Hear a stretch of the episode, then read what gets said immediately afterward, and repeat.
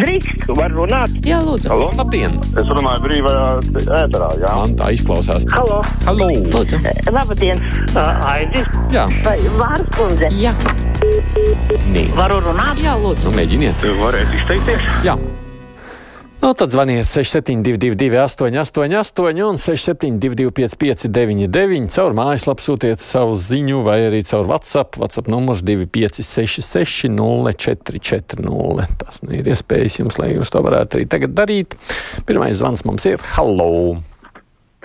Labdien! Es atceros, kā tas bija atmodos laikos. Tur Interfronta baidīja, teica, ziniet, ja tā atgūs neatkarību, tad visi krievi tiks izsūtīti, un ja tur kāda maza daļa paliks, tad viņus visus asimilēs un pārtautos.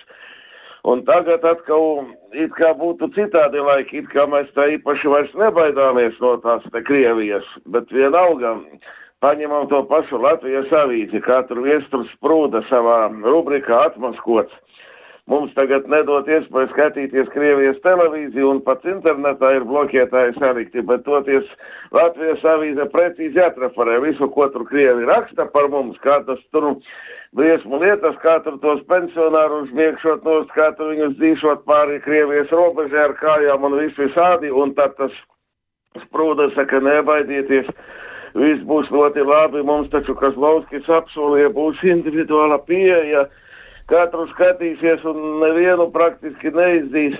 Nu, tā ir tāda nožēlojama taisnošanās, nožēlojama pielīšana Krievijai pat tagad, kad mēs jau nu, it kā esam soli līdz diplomātisku attiecību pārtraukšanai, bet vienalga tas turpinās. Un, nu, man i- i- pievērš uzmanību tas, ka mēdīju atbalsta fonds šīs publikācijas apmaksā. Tātad Nu, Tātad, ko no tā vajadzētu secināt? Es sapratu, jūs tā kā domājat, ka individuāli nevajag skatīties tā optum visas tā satrāpās, kuri pēc kārtas cerībā, ka jūs tur arī kāds neiekrītat nejauši tajā sarakstā.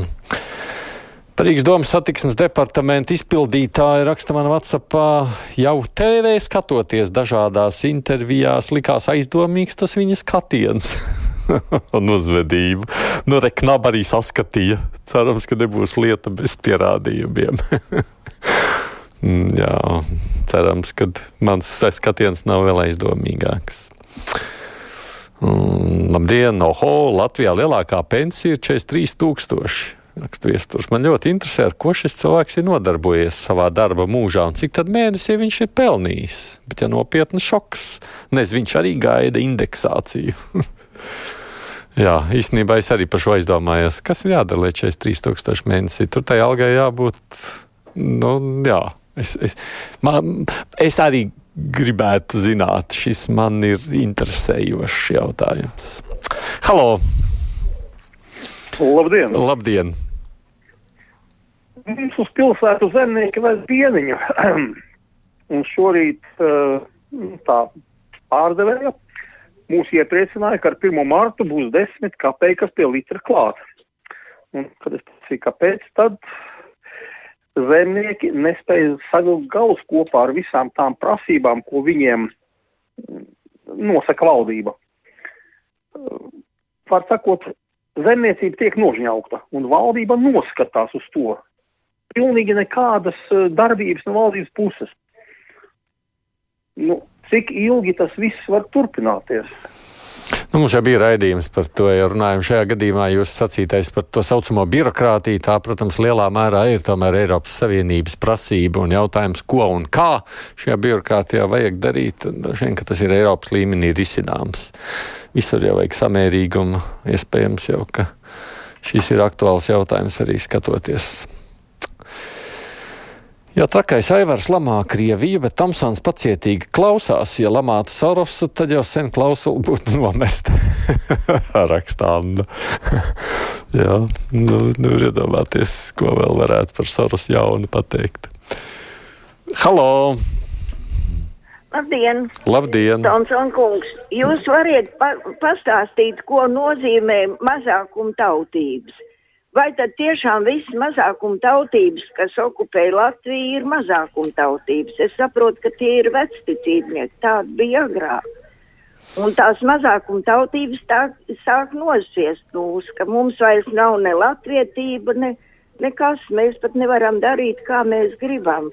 Un tikai Es jau jūs bažas saprotu, lai gan man šķiet, ka jautājums starp tautību un okupantu nevienmēr liekams vienlīdzības zīme. Tā, tā es arī to uztveru. Protams, jautājums ir tajā brīdī, oi, te mēs aiziesim garā sarunā, tāpēc laikam nebūtu prātīgi man iesākt. Mm, vakar bija ierosinājums samazināt partiju skaitu Latvijā. Varbūt kādam 50 plus partijas šķiet par daudz, rakstums Klauškungs, bet izvēlei ir jābūt, jo varbūt tāpēc arī kāds neatrod sev piemēroto, ka ne visas piedalās vēlēšanās, un arī potenciālais vēlētājs paliek mājās. Mēs jau redzam, ka gal galā arī partijas skaits nav palīdzējis. Beig beigās vienalga pietiekoši daudz paliek mājās. Halo! Labdien! Labdien! Man tāds interesants jautājums. Es bieži klausos, ka politiķi saka, ka mēs uzņemamies atbildību, politisku atbildību. Kā izpaužās tā politiskā atbildība? Jo tie lielie čieši, kur jau kā sēž, tā sēž, kaut gan tie ir tie toņi noteicēji. Varbūt, ka radiofonam vajadzētu bišķiņ kādu raidījumu sēriju, kas ir politiska atbildība Latvijā. Mm. Šis gan ir tik vecs jautājums, cik es atceros, sēžot šeit brīvajā mikrofonā. Nu, tur jau arī tā politiska atbildība. Beig beigās tikai jūs kā vēlētāji pie vēlēšanu urnām nav jau cita ceļa Latvijā. Lai tas ir labi vai slikti, droši vien ir strīdīgs jautājums, tur nu jāpiekrīt. Sveiki, Lembergam laikam pensija bija 12,000, bet tie 43 zaiga arī brīnās. Tas ir šausmas, cik strādājošam jābūt, lai izmaksātu tādu pensiju. Te nu mēs laikam interesanti, vai kāds kādam izdosies uzzināt vai nē, jo tur, jau, protams, tā ir tāda sargājošā inf informācija, kur līdz mums bieži nenonāk. Halo! Sveicināti! Sveicināti. Parunāsim par valodas problēmām. Vakar abu mēģināja savā raidījumā viens pēc viena ļoti strikti parādīja, ka latviešu valoda ir valsts valoda un nav nekādas par to strīdēšanās. Tad vēl par skolām. It kā problēma ap, apgūt latviešu valodu vai kaut kādu kursus un tā tālāk. Bet kā gāja latviešiem 41. un 49. gadā Sibīrijā? Viss bija kārtībā.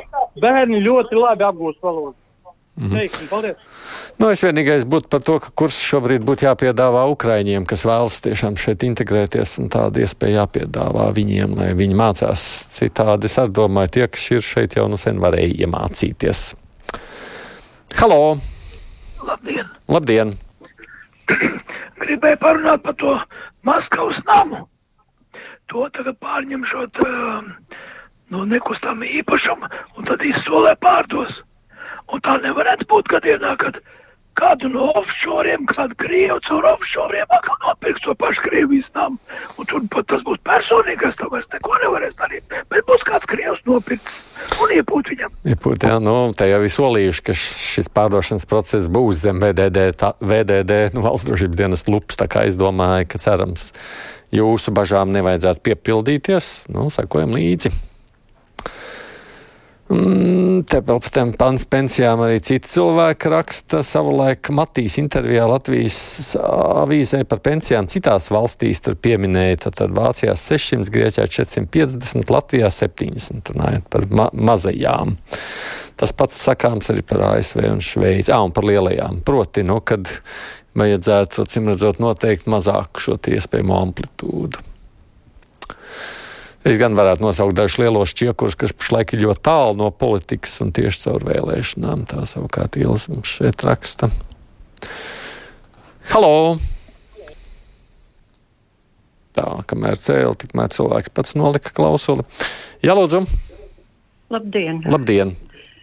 Cik zinu, tad tā lielā pensija ir bijušajam Unibankas prezidentam Andrim Bērziņam. Nu, viņam jau nu seni pensija, bet tāda nebija, cik es atminos, tik liela.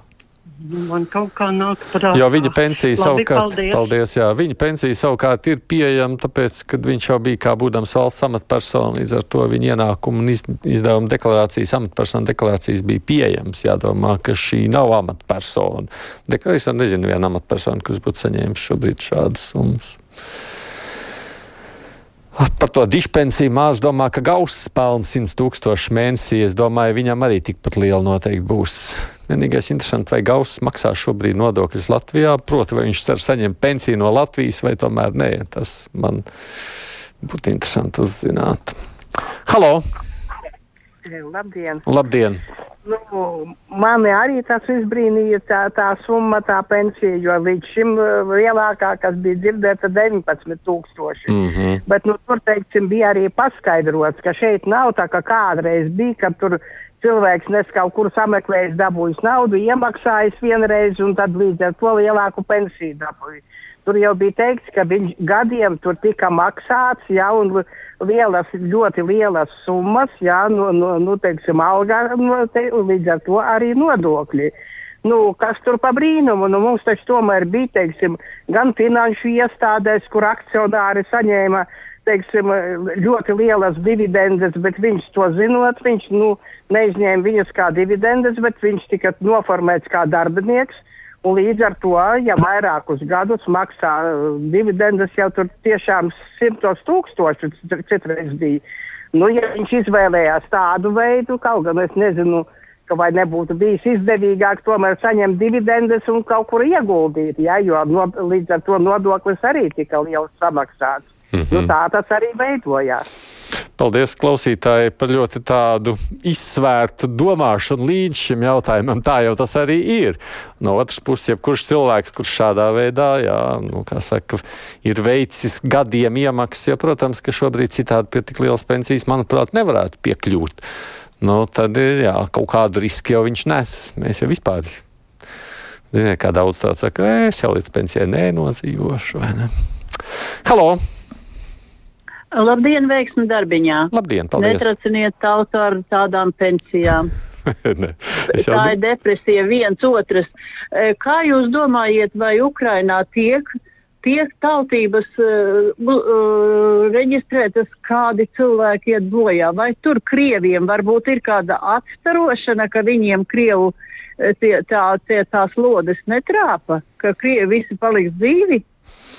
Nē, nu, man liekas, ka, jā, lai nu ko, bet Ukrainā mēs redzam ļoti daudz krievus, kas karo armijā. Un, nu, tur jautājums par tautību patiesībā ir krietni mazāk aktuāls. Nu, mēs jau to spriedzi šķiet pat iespējams vairāk šeit izjūtam nekā tur. Man tā reizēm šķiet, skatoties viņu televīziju, jo arī um, nu, paši Ukraini jau, pieņemsim, raida kaut vai šo pašu Freedom kanālu, kas ir tāds informatīvais kanāls. Tas jau ir tāds jautājums, kurā mēs redzam, nacionālais nemaz tik lielu spriedzi tur neraisa. Viens klausītājs domā, ka tas varētu būt tiešām saistīts ar lietājas metālurgu akcionāru, kurš pats sev samaksāja algu vairākus miljonus pirms došanās pensijā, bet te ar vienu iemaksu šajā reizē vairs neiet krastā. Jūs jau ziniet, ka tā sistēma sen ir citādāk nekā ir bijusi, bet, nu, iespējams, jā, te vairāk norāda uz liepājas metālurgu šobrīd. Uh, labi par pensijām, kā te daudz saka, nevajag satraukt tautu, tāpēc paldies, kas rakstījāt, zvanījāt, jūs jau šo jautājumu aktualizējāt priekšā ziņas, nu, un tad, kā jau parasti mums ir diskusija, runāsim mēs šoreiz, kas notiek ar būvniecības procesiem Latvijā.